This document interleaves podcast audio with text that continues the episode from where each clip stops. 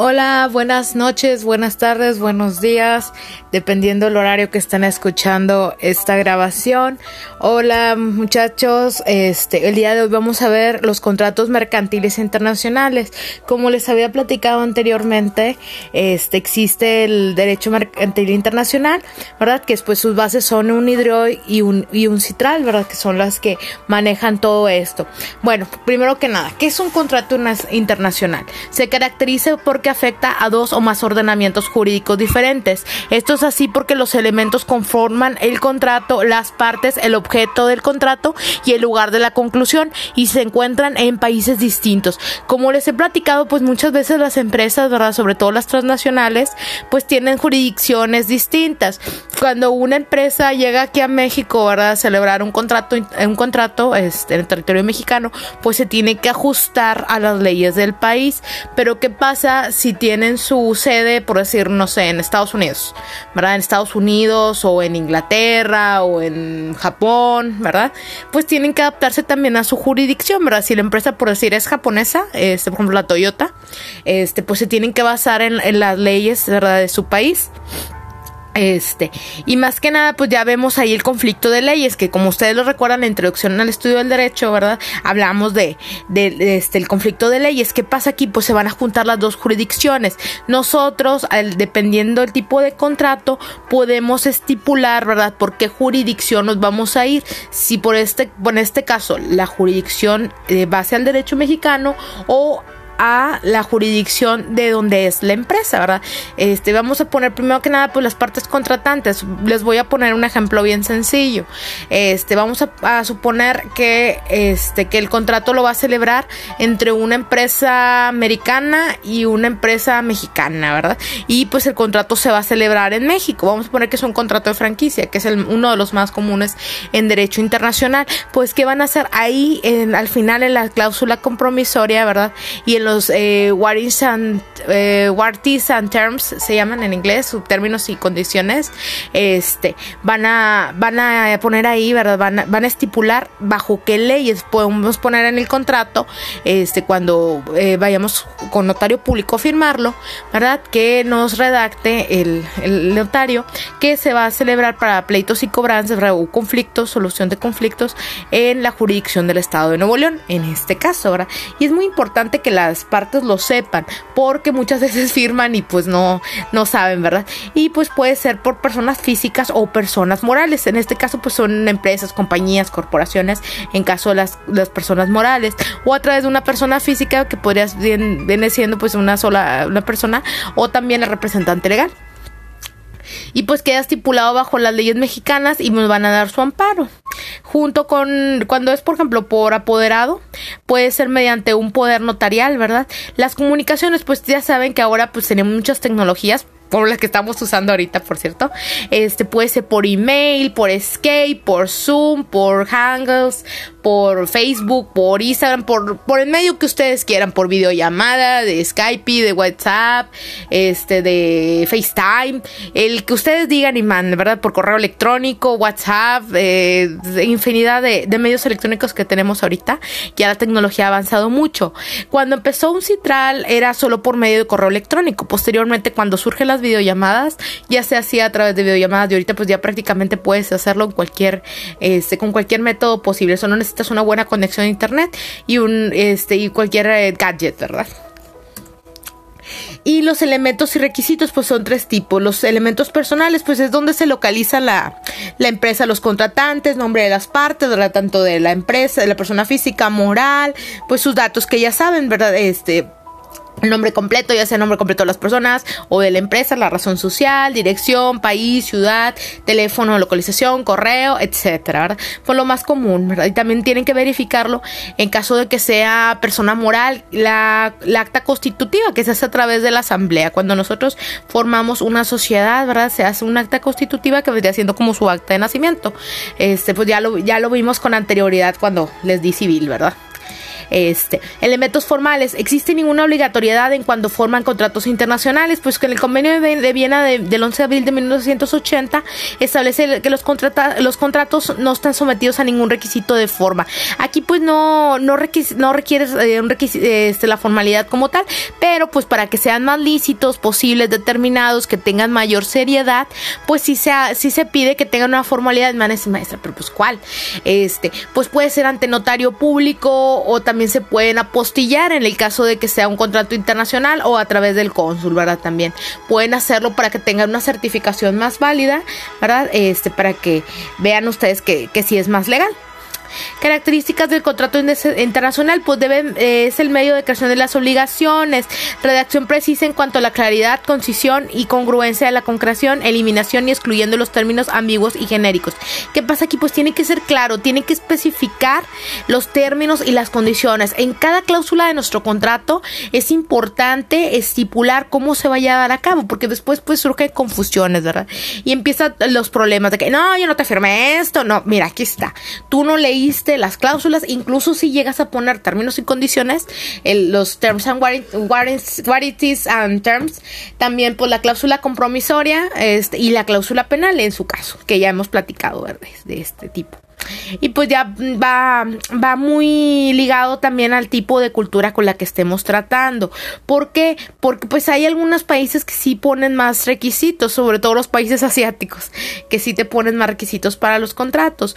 La formación, formación, eh, formación del contrato, la realización de un contrato internacional implica cumplir cierta serie de fases. Es la preparación. ¿Qué voy a hacer en mi preparación? Pues voy a estudiar muy bien, ¿verdad? Las cláusulas, cómo voy a redactar mi contrato, qué es lo que necesita mi cliente por ejemplo, ustedes como abogados, este, tenemos que, saber, pues, las necesidades de nuestros clientes. Ustedes saben que, pues, yo me dedico a los contratos, ¿verdad? Este, tenemos que ver las necesidades del cliente, qué necesitamos, ¿verdad? Cómo vamos a redactar estas cláusulas para, pues, que nos cumplan. También, pues, la oferta que nos están ofreciendo eh, este, a nuestro cliente, en cuánto tiempo nos van a pagar, cómo va a ser el cumplimiento, la formación, pues, ahí también tenemos que, este, tiene que estar bien estudiado el contrato, con nuestros con nuestros códigos, ¿verdad? La jurisdicción que nos vamos a someter. También podemos investigar este en este caso, pues que va a ser con un extranjero, ¿verdad? Nuestro contrato, ver los términos de la jurisdicción de ese país en base al tipo de contrato, ¿verdad? O el derecho mercantil, si pertenece a un citral también. La, ejecución, pues también en cada caso de incumplimiento, ¿cuándo va a ser válido nuestro contrato, ¿verdad? ¿Cuándo ya va a empezar en vigor? Y en caso de incumplimiento, ¿cómo vamos nosotros a, este, a defender, ¿verdad? ¿Qué, va a pasar al incumplimiento? Bueno y pues estamos platicando en materia de los contratos.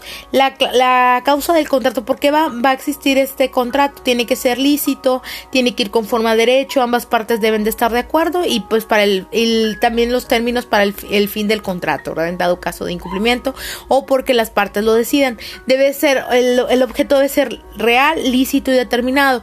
¿Por qué debe ser lícito? Pues debe de, debe, de, debe de ir conforme a derecho, este, debe ser real, pues debe ser, debe existir, ¿verdad? Y determinado que también se pueda determinar también conforme a derecho. El consentimiento, pues ambas partes expresan el, consentimiento para, para celebrar este contrato. Este, el, consentimiento, el, consentimiento expresa la voluntad de las partes tras ponerse el manifiesto. Pues aquí pues igual no debe dar vicios, deben estar de acuerdo, no existe la violencia para que el contrato sea válido. La terminología internacional, pues existen varios este, eh, terminaciones, por ejemplo, las representations and guarantees, la terminología de las, garantías. También acuérdense pues que existe el, el common law, que es el derecho que, que ve, los países este, de habla inglesa, por ejemplo, Estados Unidos, Inglaterra, Australia, ¿verdad? Este, y pues ellos se basan más de esto, de los términos, de que tú tienes que cumplir. Si tú incumples un término allá, tienes que pagar una indemnización. Este, es muy diferente aquí, ¿verdad? De que pues te espera de ahí de que a que salga el ordinario o el ejecutivo mercantil. No, allá no. Allá es inmediatamente este, se cobra. Y te pueden cobrar una penalización. ¿Que dónde va esta penalización? Pues este, en la cláusula compromisoria. La función informativa de la cláusula compromisoria pues, del contrato. Este siempre va la titularidad y viene, eh, viene también, se expresa los términos y condiciones de cómo va a ejecutarse, ¿verdad? Sí, el caso de incumplimiento. Las reglas de la interpretación, pues es importante este, saber la interpretación de los contratos porque pues se pueden dar malentendidos. Si nosotros sabemos leer bien un contrato, hay que leer muy bien las cláusulas, recuérdelo toda la vida. Y también los anexos, porque muchas veces dicen, ah, los anexos no son importantes. No, tienen que leerlo todo al pie de la letra y pues muchas veces pues tenemos paradigmas, paradigmas eh, este, y distintos tipos de, de, distintos puntos de vista en estos casos. Eh, también, por ejemplo, el common law pues ve las maneras de resolverse distinta. Ellos tratan primero que nada en llegar a un acuerdo antes de llegar a una corte. Y aquí no, aquí es al revés. En caso del incumplimiento volada, vas al juzgado ya a promover tu, tu juicio. Eh, allá pues tratan más que nada, sobre todo con la negociación. En el caso de los contratos, la negociación y el arbitraje son los principales usados para este tipo de contratos. Las cláusulas comunes, pues son esenciales en el contrato y vamos a expresar todo, ¿verdad? Cómo se va a dar el contrato, que el, el plazo, este, el lugar donde se va a pagar, el procedimiento de entrega, el precio, la forma de pago, todo va a venir bien estipulado en nuestro contrato. En nuestras cláusulas también, pues la documentación que vas a requerir, el tipo de transporte, el tipo de seguro en caso de los psicotemps, si va a pagar aranceles, si no va a pagar aranceles, tiene que venir todo estipulado en nuestro contrato también muy importante, la legislación y la jurisdicción en caso de controversia, ¿verdad? Pueden poner, por ejemplo, como aquí no lo, lo ven en el material, ¿verdad? Este que puede ser por eh, métodos alternos, ¿verdad? Este, en este caso, como les había comentado, la negociación y el arbitraje son los más este, efectivos para este tipo de contratos. Y además, pues las cláusulas esenciales, que podrían siendo la cláusula penal y la cláusula compromisoria en caso para los incumplimientos y la jurisdicción. Este, y también, pues la forma de este, llevar a cabo en caso de que el incumplimiento para que eh, se pueda llevar a cabo el procedimiento judicial. Y pues eh, las cláusulas esenciales de los contratos internacionales, pues es el preámbulo, se debe hacer referencia a los motivos que han originado el contrato, así como las gestiones previas y a ver la conexión que tiene este contrato con otro principal o subcontrato. Aquí pues también tiene que estipular si hay contratos aparte, eh, pueden ser los anexos o puede ser otro contrato accesorio que surja. Las partes, definir una breve eh, de las personas vinculadas al contrato, así como organismos intervinientes. El objeto del contrato, porque se está llevando a cabo, ahora cuál es la, este, el tipo de contrato, la obligación principal de cada una de las partes y por qué motivo se está celebrando. Las condiciones de entrega, eh, son los psicotemps. Los psicotemps pues, son muy, muy comunes, ¿verdad? Pues, son los seguros, cómo va a llegar nuestra mercancía. El precio, teniendo en cuenta el embalaje, el transporte, el seguro, las aduanas, documentación y tipo de cambio. Aquí también pues es importante, como acuérdense que las divisas son muy volátiles, van cambiando todo el tiempo, ¿verdad? Y también, por ejemplo, el tipo de transporte, el tipo de seguro, si lo voy a mandar en avión, en barco, en carro, el tipo de embalaje, si va, no sé, en una cajita de cartón o va ya en un container, ¿verdad? Dependiendo. Las condiciones de pago, pues en qué moneda. Quiero que me lo paguen en dólares o quiero que me lo paguen en bitcoins. Eh, la entrada en vigor del momento del contrato, ¿verdad? Casi siempre pues es después de la firma. O también puedes poner una fecha especial.